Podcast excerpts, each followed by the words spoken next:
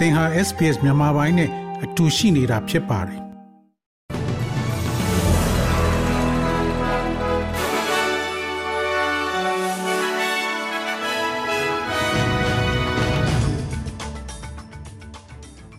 တော်ရရှိမြောင်ယနေ့ February လ14ရက်ဗုဒ္ဓဟူးနေ့အတွက် SPS News Flash သတင်းထူးများကိုတင်ဆက်ပေးမှာဖြစ်ပါတယ်ကျွန်တော်က Terror အောင်ပါ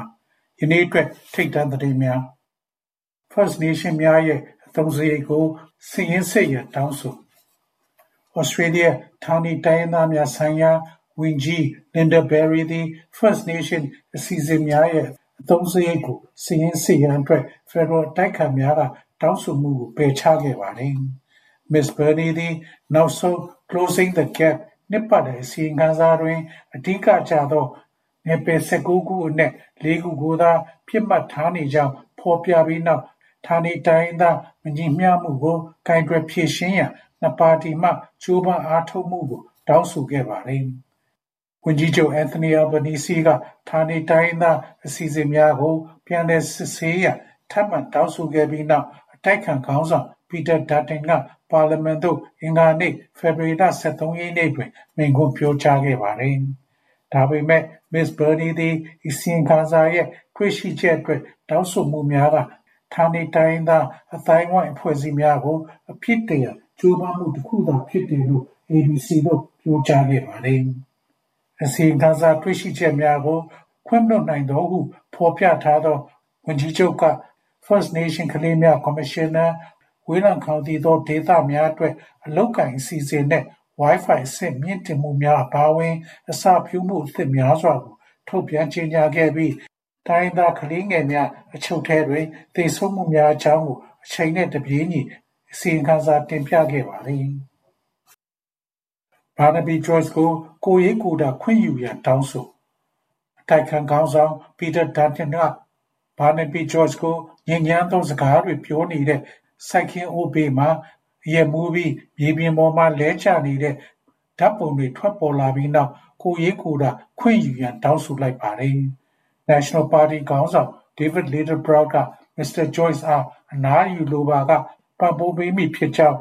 Channel 7 သို့ ပြောကြားခဲ့ပါတယ်။သိသာထင်ရှားနေမှာဤအပြုမူသည် ပုံမှန်မဟုတ်ပါဘူး။ဘာနဘီဟာသူ့ကိုယ်သူနဲ့မိသားစုကို အရှက်ရစေပါတယ်။ရင်ခံပြဿနာများနဲ့အခြေအနေချို့ကို ရှင်းလင်းပြတ်သားစွာ ထုတ်ဖော်ပြောဆိုနေချိန်မှာသူ့ရဲ့ယုံကြည်မှုကိုမ ချိုးဖျက်နိုင်သောတခြားအခြေအနေများလည်းရှိနေပါသေးတယ်။အဓိကကတော့ကျွန်တော်တာဝန်ကသူ့ကျန်းမာရေးအတွက်ဖြစ်ပြီးဒီပြဿနာတွေအားလုံးကိုကင်တွယ်ဖြေရှင်းနိုင်ပြီးသူ့ကိုယ်သူမျှော်လင့်ထားတဲ့အဆင့်ကိုပြန်ရောက်ဖို့သေချာအောင်အချိန်တစ်ခုယူရှင်တဲ့ဆိုရင်တော့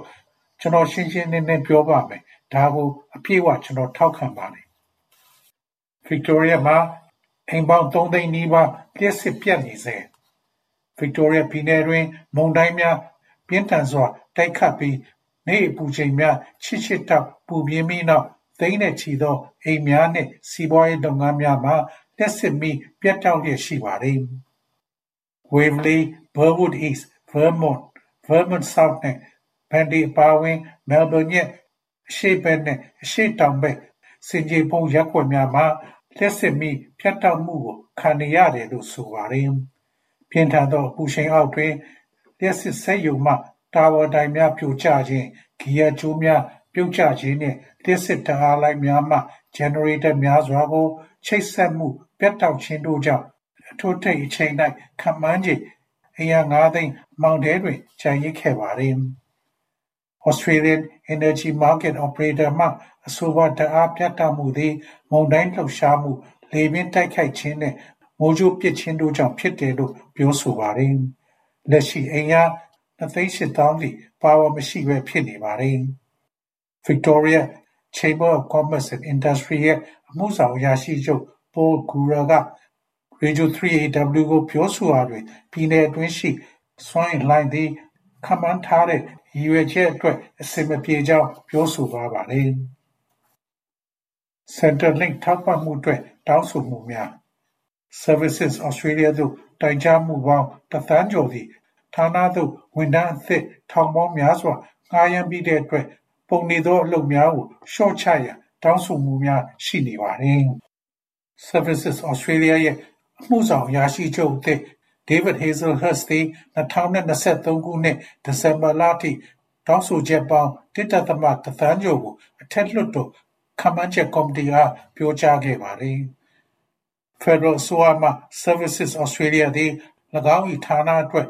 အပိုဝန်ထမ်း 3000 ကို ယမန်နှစ်က ငှားရမ်းထားတဲ့အတွက်၎င်းရဲ့ စုဆောင်းရေးပြစ်မှတ်သို့ ရောက်ရှိခဲ့ကြောင်း အတည်ပြုပြောဆိုပြီးနောက် ထွက်ပေါ်လာခြင်း ဖြစ်ပါတယ်။နေ့စဉ်သတင်းတူ News Flash များကိုပုံမကြားသိရန် SPS Language Podcast ကိုတွားရောက်နားဆင်ကြည့်ပါ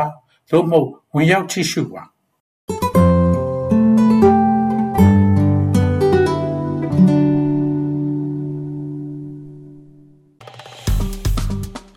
SPS မြန်မာပိုင်းကို Facebook ပေါ်မှာ like ရှာပြီး like မျှဝေမှတ်ချက်ပေးပါ